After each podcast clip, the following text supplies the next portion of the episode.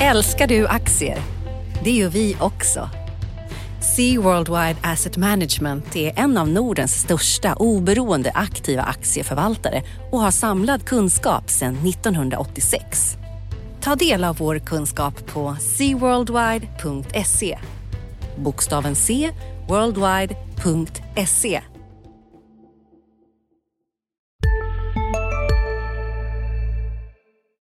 Bankerna ligger i framkant med artificiell intelligens.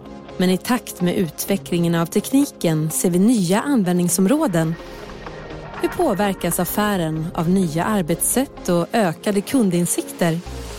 Ta del av hur Nordea, Handelsbanken, Swedbank och SEB bygger den datadrivna banken på Dagens Industris konferens AI Bank den 4 december. Anmäl dig idag på di.se konferens. Analyspodden från Dagens Industri. Hej och välkommen till Analyspodden. Johan Wendel heter jag, reporter och eh, analytiker på tidningen Dagens Industri. Med mig har jag Ulf Pettersson, analytiker på tidningen, som är med oss live från Kalmar. Hur är läget Uffe? Det är bra tycker jag. Det är lite blåsigt, eller ganska rejält blåsigt ute och ett par plusgrader så det är liksom inget som man... Utan då är det ganska skönt att sitta och kolla på börskurserna istället eftersom det händer så mycket runt om i, i världen och på Stockholmsbörsen. Så det, det, det piggar upp i, i mörkret tycker jag. Ja, och det blåser ju på börsen eh, har det gjort den senaste månaden här. Vad säger, vad säger du om läget? När vi går in här i studion så är börsen, eh, Stockholmsbörsen ner 0,2 procent ungefär. Det är då eh, strax innan lunch på fredagen här. Vi har ett G20-möte som är eh, på G. Va, vad säger du om läget där? Ja, men läget tar man liksom det korta perspektivet så här de här två timmarna vi har handlat nu ungefär två och en halv så såg det ut att öppna upp lite grann men sen så, eh, eller det öppnade väl, terminen var i alla fall upp men sen så inledde vi lite ner och det är väl den här osäkerheten som finns om vad som kommer hända i Argentina under G20-mötet. Det blir ohyggligt spännande. Det har ju redan hunnit hända en del innan de har börjat. Angela Merkels plan eh, Alltså Tysklands förbundskansler eh, fick vända tydligen, så, men hon har tydligen tagit sig till Argentina vad jag förstår, eh, eller är på gång i alla fall igen. Och sen så ska ju Putin och Trump inte träffas, vilket var väl en överraskning som kom ut igår kväll. Men det stora är ju ändå mötet mellan Trump och Kina och det ska ju bli av efter vad jag förstår. Och det är det som har vi har talat om på finansmarknaden i flera veckor här om det här mötet blir lösningen på handelskriget eller om det bara blir en upptrappning efter det här. Så det blir ohyggligt spännande. Och den här lilla nedgången som vi ser på fredagen efter att så att säga, terminerna pekade uppåt och vi hade en stark utveckling i, i, i USA igår tyder väl på att folk är lite, lite försiktiga. Man vet ju inte vad som kan hända där. Så det, det är spännande på de flesta fronter. Och ja, och det känns ju som att eh, med Trump och Xi Jinping där då, Kinas president, att förväntningarna på deras möte, det känns ju mer så att man hoppas på att på att ingen tror väl att de kommer lösa det här handelskriget, men mer att man vill ha den här äh, att det, det är en ganska schysst tondialog, man skruvar ner tonläget och att man inte skruvar upp det. Och där känns det som att förväntningarna är hyfsat låga tycker jag ändå när man snackar runt med folk. Eller vad säger du? Ja, men jag tror, jag tror att skulle det, skulle det liksom säga att liksom Trump skulle börja twittra och äh, äh, Kina är liksom världens sämsta land, då är det klart att då har vi en rejäl sättning. Så det finns ändå, jag säger att förväntningarna ligger ju inte på en, ligger inte på en lösning men det ligger inte heller på en katastrof. Eh, men jag pratade faktiskt med den gamle talmannen Per Westerberg igår eh, och Trump och han var liksom sådär att Trump vill söka en lösning med alla, alla och han har liksom nått lösningar kring NAFTA och, och, och Nordkorea, det vet vi liksom inte sista status där men det är ändå liksom on speaking terms lite grann. Eh, så jag tror att han vill, alltså Trump vill ju nå en deal och han är nog beredd att offra lite grann men det är klart han vill ju inte offra hur mycket som helst. Så jag, min förväntan är väl att det ska ändå komma ut i alla fall i ord om inte i handling någon slags positiv att han kanske inte drar igång med fler tullar liksom just, just nu då utan att det blir lite som det har blivit med Europa här att man sätter sig vid förhandlingsbordet utan att, utan att det föregås av någon eh, eskalering. Eh, lite som det har blivit mellan Europa och USA här sen sommaren så har ju liksom, den är nästan bortglömd att det pågår liksom förhandlingar där. Men, och det är väl det jag, det är det jag hoppas eller tror rättare sagt. Och blir det så så tror jag vi kommer ha en liten uppgång till följd av det på börsen. Men sen så är ju börsen väldigt nyckfull här. Man har ju sett rörelser som, som liksom eh, inte är förväntade och man har ju sett eh, ganska ganska slagig handel. Börsen är ju liksom, nu är den på gång upp här lite grann känns det som, men den var ju ner 10% i oktober och sen så fick vi en rekyl uppåt och ganska snabbt neråt igen. Så det, det, det finns mycket osäkerhet där och det är bland annat G20-mötet men det är även den allmänna konjunkturen och sådär och de här fangbolagen som, som har stökat till det. Jag vet inte hur du hur ser du på, på, på börsen och livet då? Nej, men jag, livet ska vi inte gå in på, men däremot så Nej. börsen där, då hoppas jag att uh, Trumps personal uh, lyckas gömma hans mobil så han inte twittrar, utan fokuserar ja. på andra grejer. Men det har ju kommit lite under veckan här, om vi liksom slutar fokusera på den globala bilden och tittar på Sverige så har vi ju då har vi ju signaler under veckan som inte alls är bra här. Vi har ju, för det första så kom ju eh, Konjunkturinstitutets barometerindikator på tidigare i veckan och den följer för andra månaden i rad och eh, visst, indikatorn visar ett starkare läge i ekonomin än normalt. Men det är framförallt, som de skriver i pressmeddelandet här, på grund av att tillverkningsindustrin har, har ett väldigt eh, ljus syn på världen. Det som är negativt är ju att hushållens, eh, eh, hushållens syn på saker och ting verkar försämras för andra månaden i rad här och ja. det är ju inte så bra alls. Och sen så har vi ju då SCBs BNP-siffra som kom i går, torsdag då. Och den mm. visade ju att eh, BNP föll 0,2 procent jämfört med andra kvartalet. Och det är första gången sedan 2013 som vi har en sekventiell nedgång av BNP. Och det är också på grund av en fallande hushållskonsumtion. Så det känns ju inte alls bra, eh, tyvärr. Nej det är det inte. Men hushållen var ju lite, det var lite bilstatistik som gjorde nog en halv procent eller, no, alltså, eller bil, bilförsäljningen som har liksom nästan upphört här under tredje kvartalet efter att ha varit superhög andra, andra kvartalet. Och sen så hade vi den här varma sommaren som och det säger ju folk att det var ju liksom väldigt dåligt i butikerna. Alltså folk var för, var för svettiga för att gå och handla. Så, så det gjorde nog att, att det blev lite, lite lägre där. Eh, ja, men jag, men vet visst... inte, jag vet inte fan alltså. Det, det, det är sådana här grejer. Man blir lite orolig när man börjar höra sådana här grejer. Det är varm sommar, sen är det lövhalka, man kunde inte gå till butiken. sen är det halt på vägarna. Ja, jag vet inte, ja. det, känns, det känns inte bra. Någon magkänsla känns inte bra i alla fall.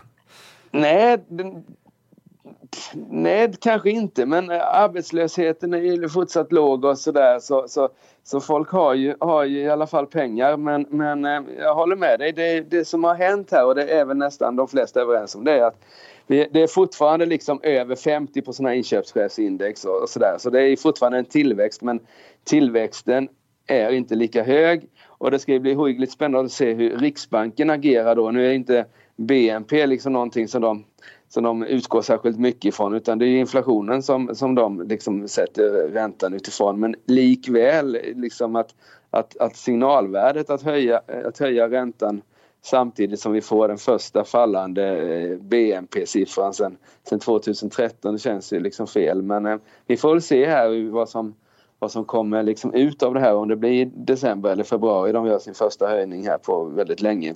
Eh, men ja, det, och, men det som slår här, alltså tar man hushållen så det är ju det som är mest påverkat, det är klart att klädhandlarna och sådär har ju haft det jobbigt om man såg vinstvarningen från MQ eh, i veckan. Men eh, du har ju ändå den här bostadsmarknaden, det är ju verkligen där alltså det ska ju, känner man i magen att det är lite sämre tider då är man ju inte så supervillig på att börja buda på på ett antal miljoner för en lägenhet någonstans. Nej, och det, liksom den, går man på den anekdotiska bilden som man har så känns det som att det finns ju en, eh, har de senaste åren har funnits en ganska tajt korrelation mellan humöret på bostadsmarknaden och humöret för eh, konsumenterna. Det är bara att snacka runt med folk som driver liksom restauranger och sådär. När bostadsmarknaden började frossa lite där eh, hösten 2017, då märktes det direkt på liksom restaurangerna att folk kom inte och köpte lika mycket, renoveringarna stannade av lite där. Och det känns som att det kanske är någonting som fortfarande spelar in lite. Men återigen, det här är anekdotiskt. Ja, ja men, jag, men det är som sagt men så får vi se. Alltså G20, det här är intressant men det som, det som avgör huruvida december nu, nu går vi in i en ny månad här, i julmånaden. Eh, den är, det har varit lite si och så sista åren men, men alltså tar man tioårsperspektivet så är december 8 av 10 decembermånader så stiger börsen med omkring 2 Så det är ju en normalt sett en stark marknad. Men jag tror det kommer avgöras av det här G20-mötet eh, förstås, eller det kommer vara väldigt viktigt i alla fall. Och sen så har vi den här eh, sämre konjunkturbilden som finns. Men jag tror ändå det är G20 som kommer sätta den främsta liksom, avtrycket på, på börsen här kommande, kommande veckorna fram till, till eh, julafton. Ja, vi får se var det landar. Ska vi snacka lite bolag? Vi har ju i veckan fick vi beskedet att eh, H&M, eh, klädjätten, lägger ner sitt eh, varumärke Cheap Monday. Eh, har du några kommentarer på det, Uffe? Nej, men jag tycker att eh, eh det var väl bra att man, man har efterlyst en eh, strukturell förändring i, i H&M. Eh, det känns som de körde på, eller de, det gjorde de, de körde på alldeles för hårt i sina gamla hjulspår det här att öppna 10-15 procent fler butiker trots att liksom det var nästan bara de som öppnade butiker. De andra såg över det. Men nu kommer ju den här nedläggningen av Cheap Monday. Det är inte så mycket butiker men det är ett varumärke och det jag tror att eh, de har ju skaffat sig sen de köpte Cheap Monday för omkring en miljard för ganska precis tio år sedan så har de ju adderat massvis av egna eh, varumärket i sina koncept. Så det är klart att och då, där har man väl att göra på dem så det är väl bra att man liksom minskar antalet varumärken för att hårdsatsa marknadsföring på de varumärken man tror på. Man behöver inte ha så många varumärken som de har skaffat sig och Cheap Monday blev ju ganska ja, det var ganska snabbt som de skrev ner värdet på tillgångarna där så det blev väl aldrig riktigt någon höjdare egentligen. Jag vet inte, det är det enda förvärv som H&M har gjort i alla fall i, i modern tid skulle jag vilja säga. Ehm, och det är ju, det visar sig att det kanske inte är det som är H&M's grej att köpa butiker och varumärken utan att driva upp dem själv. Jag tycker det är bra att man gör det nu, nu men det stora grejen är ju att hantera liksom H&M varumärket men, men på, på marginalen så tycker jag att det var ett positivt besked och jag förstår att aktien har klivit upp här. Den har ju stigit en tia på, på ett par veckor här. Det är väl delvis för att eh, eh, eh vår vän Stefan Persson har, har börjat köpa aktier igen. Men även det här beskedet gjorde ju att, att aktien steg en del. Den har faktiskt gått upp varenda, varenda dag den här veckan vad jag förstår. Ja, jag kikade på kursen här. Den är ju upp 30 procent nästan på tre månader. Strax under 170 kronor när vi mm. gick in i studion här. Och eh, jag, må, jag, måste bara, när jag kollar på de här siffrorna så är jag, jag jag förstår inte varför man vill äga aktien i det här läget. Alltså kikar du på värderingen så visst, analytikerna tror att eh, de ska växa både vinst och försäljning eh, för nästa räkenskapsår som börjar i morgon då. då. Men, eh, eller på måndag. Men alltså det är P20. De har liksom en historia nu av att eh, inte leverera på det de säger att de ska göra. Jag tycker att det här är ett ypperligt tillfälle att kliva ur aktien. Alltså Stefan Persson har köpt på sig aktier och drivit upp kursen. Har man klivit in när den var som lägst där, grattis. Då tycker jag det är läge att ta hem vinsten nu. Mm, jag håller med dig. På kort sikt ser jag inget sådär superläge i i H&M. Eh, rapporten här, nu stänger de ju böckerna och så får vi väl rapporten någon gång i januari är det väl. Eh, och där är ju, där skulle jag säga att dels så undrar jag hur det blir med utdelningen. Folk, eh, genomsnittsprognosen är då att de ska dela ut 9,20 ungefär i, i aktieutdelning och vinstprognosen för innevarande år är 8,20 så då skulle liksom H&M dela ut en krona mer än vad de tjänar och det har de nog aldrig gjort tidigare och jag undrar om de gör det detta året också. Så jag är faktiskt lite inne på att de kanske sänker utdelningen en del och då sänker man utdelningen efter att i stort sett aldrig ha sänkt den. Eh, då kommer man nog sänka ganska rejält så man kan börja om på nytt och det tror jag Sista dagarna nu på vårens stora season sale. Passa på att göra sommarfint hemma, både inne och ute och fynda till fantastiska priser. Måndagen den 6 maj avslutar vi med Kvällsöppet i 21. Välkommen till Mio. CSRD, ännu en förkortning som väcker känslor hos företagare. Men lugn, våra rådgivare här på PWC har koll på det som din verksamhet berörs av. Från hållbarhetslösningar och nya regelverk till affärsutveckling och ansvarsfulla AI-strategier. Välkommen till PWC Jag skulle ha, kunna ha en slags negativ effekt på, på aktien. Men det får vi se, det, det ligger ju lite i framtiden.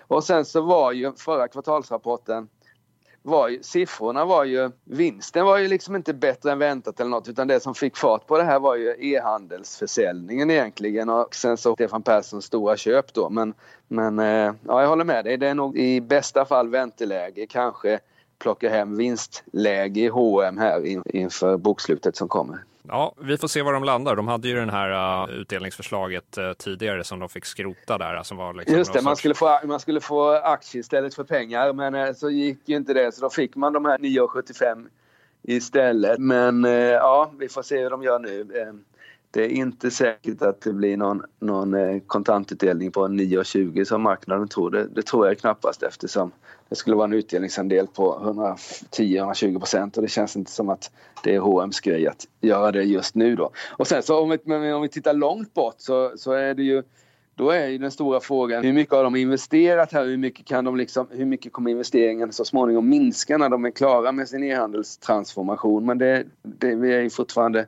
lite för långt bort eh, de där grejerna för att marknaden kanske ska köpa in det totalt då. Men så jag håller med dig. Det, det är nog lite de som har varit med här från, från 120-130 spänn upp till 170. De, de, ska ju, de kan ju så att säga glädjas åt den uppgången och kanske plocka hem vinsterna. Det kan jag nog hålla med dig om.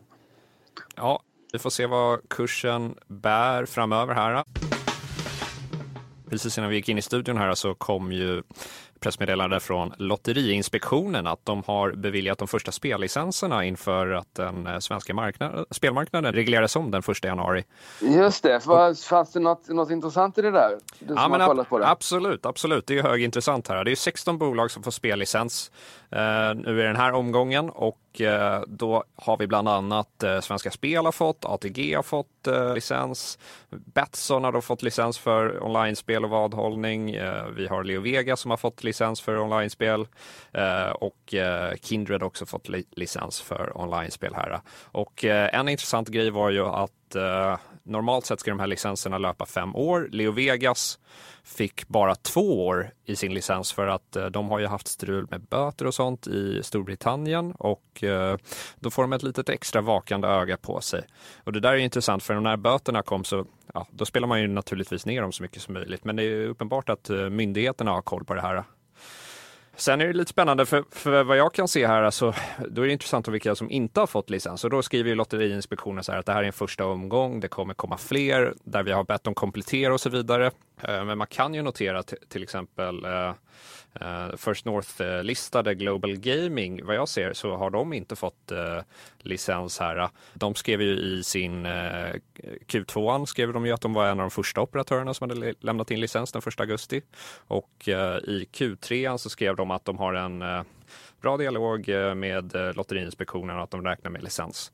Och det vore ju naturligtvis väldigt negativt om de inte får licens. Men ja, nu, tror, nu tror jag inte man ska dra för stora växlar här. Nej, men likväl, det är, det är en fråga som bör ställas i alla fall varför de inte var med i första omgången. Absolut. Ja. Hur, hur, går aktien här? Är, den, är det fritt fall där eller? Nej, det är absolut inte. Aktien var ner 4% nu är den ner ungefär 3 det är inte den mest likvida av aktier heller, ska vi vara noga med att påpeka. Så att man, man ska inte lägga för mycket krut på det kanske. Men mm. i, i det, de här bolagen då som fick licens, det var ju liksom de flesta hade ju räknat med att de skulle få licens. Hade de inte ja. fått licens hade det ju varit en katastrof. Ja, det hade varit lite som när, när, när Telia blev av med eh, nätet här, men det är ju länge sedan nu. Det var 2002 och liksom helt plötsligt fick jag affären med, med Tele2 och vad det var. Eh, så, så, men visst, det är intressant, väldigt intressant. Då tar vi en annan del av spelmarknaden där man inte spelar, spelar bort sina pengar utan där man spelar bort sin tid istället så är det ju de här har vi ju eh, Starbreeze exempelvis som har varit varit i fokus under veckan igen väl, eller hur, ja, hur är det där? Ja, alltså det känns som att kursen uh, har ju inte haft någon rolig resa den här veckan, det kan man ju minst konstatera. Aktien inledde där med, i måndags med att uh, vad heter det, gå ner uh, en 26 procent. så att det är ju inte någon kanonhit. Nu på fredagen här har vi lite medierapporter om att det här Star VR som de har tillsammans med Acer ska säljas eller alternativt läggas ner enligt Digitimes. Och eh, i senaste kvartalsrapporten här skrev de ju att bolaget vill, eh, eller de har avnoterat det här Star VR Corporation från eh, Taipei Exchange där det var listat sedan tidigare i år. Så att det är ju liksom överlag så jag skrev om Starbreeze förra fredagen och överlag så är det inga bra signaler från det här bolaget. De måste sannolikt ta in pengar eller så ja, blir det konkurs. Och eh, jag skriver, att, jag skriver att ett jokeralternativ är eventuellt ett uppköp, men då för alltså, där man kommer åt Starbreeze IPn. Men då är det nog ganska billigt som man kommer få det. Ja, det där, det där att, att det ligger en eh, väldigt stor nyemissionsrisk i, i Starbreeze. problemet med den där vad jag förstår det är att, att nu har ju då eh, huvudägaren och vdn sålt, eh, tvångsålt massvis av, massvis av eh, aktier här och jag undrar om inte till och med hans eh, villa är ute till försäljning och det som det betyder kan man ju knappast räkna med att han ska in i en nyemission och då faller ju en del av så att säga ansvaret på eh, Swedbank Roburs sån här teknikfond som är en storägare. De eh, har ju till och med en corner i, i Starbreeze. Och jag undrar, de har ju bytt förvaltare här. Det är Springhorn och, och Anfält är ju är borta där så jag är inte riktigt säker på att de nya förvaltarna för den här teknikfonden är särskilt sugna på att gå in med pengar i Starbreeze. Jag är inte ens säker på att de får gå in med pengar om man det kan finnas regler som säger att, att, att Robur inte vill vara dominerande ägare utan man, men det har man ändå blivit nu indirekt eftersom eh, andra säljer i Starbreeze. Så det där är faktiskt någonting att kolla upp vad som händer. Nu har ju aktien fått, fått stryk på riktigt här. Eh, Eh, nere i två spänn men som sagt var, en aktie har den egenheten att den alltid kan falla 100% och vi får väl se om, om det blir en, en sväng till i Starbreeze. Jag tycker det känns, känns alldeles för osäkert för, för normala investerare i alla fall. Ja, och jag tycker att en sak som man kan ta med sig från det här, det är att eh, tidigare år så var det ju det snurrade ju en del liksom, eh, sådana här uppdragsanalyser eller sponsrade analyser kring Starbreeze om att de skulle sälja si och så mycket. Och, och det var lite mm. oklart man fick de här försäljningsestimaten ifrån. Eh, och då menar jag av det här ny, nylanserade Overkills The Walking Dead som var deras eh, stora satsning. Och det jag tycker man ska ta med sig där, det är när man tittar på de här uppdragsanalyserna och sponsrade analyserna att ha i åtanke att bolaget själv betalar för de här. Eh, med det sagt så tycker jag att uppdragsanalysen har ett värde. Man, man får liksom en inblick i bolaget, man, får en, eh, man kan få ja. en hint om hur man kan tänka som investerare. Men man ska också ha eh, med sig andra grejer i bakhuvudet när man läser den här. Absolut, det, det, det tycker jag. Det tycker jag absolut man ska ha. Men jag, jag är inte heller. Jag tycker de, de har sitt värde, de där analyserna.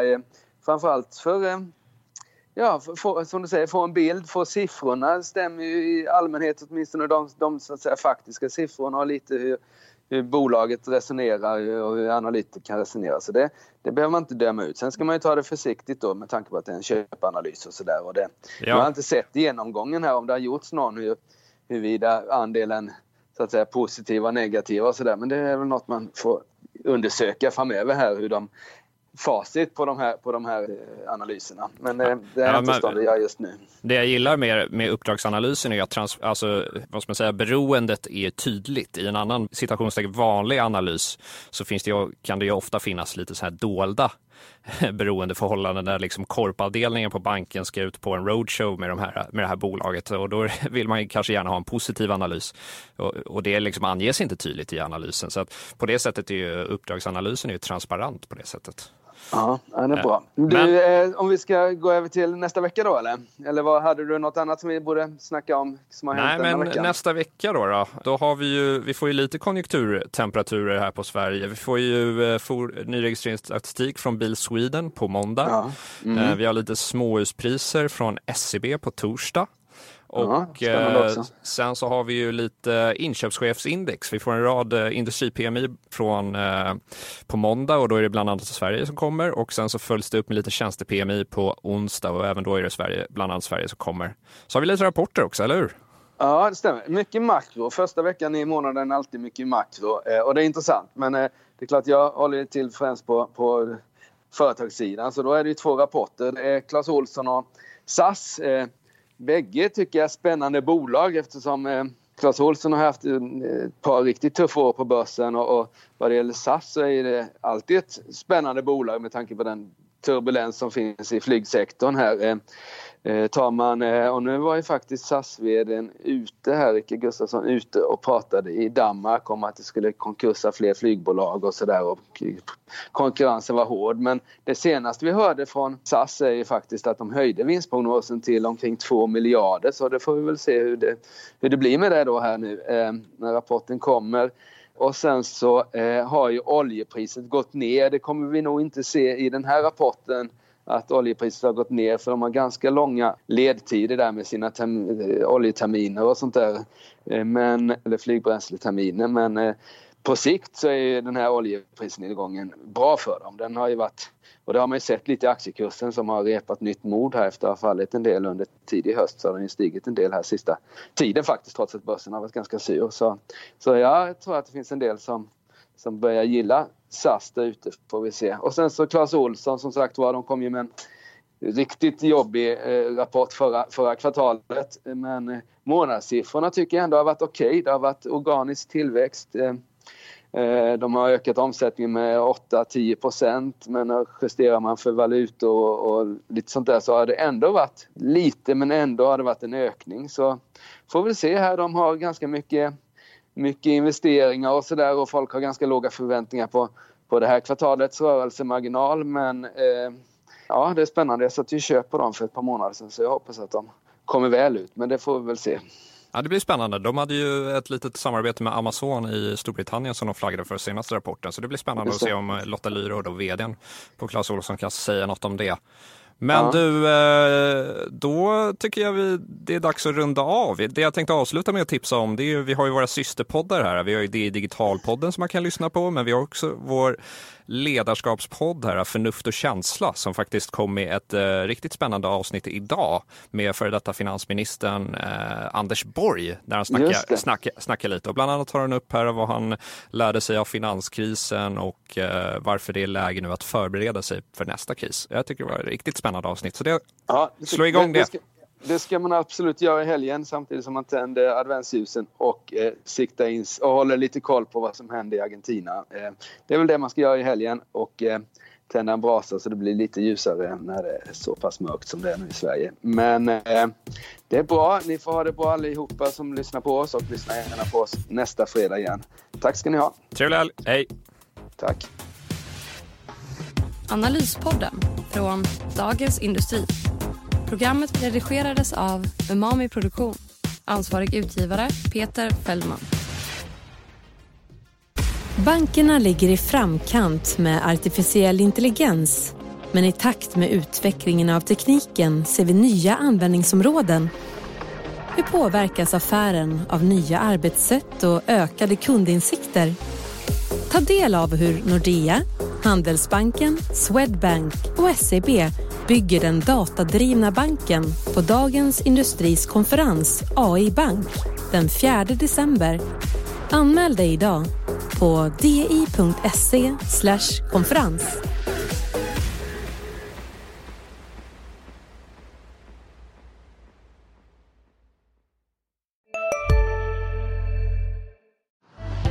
Älskar du aktier? Det gör vi också. Sea Worldwide Asset Management är en av Nordens största oberoende aktiva aktieförvaltare och har samlad kunskap sedan 1986. Ta del av vår kunskap på seaworldwide.se. Bokstaven C, worldwide.se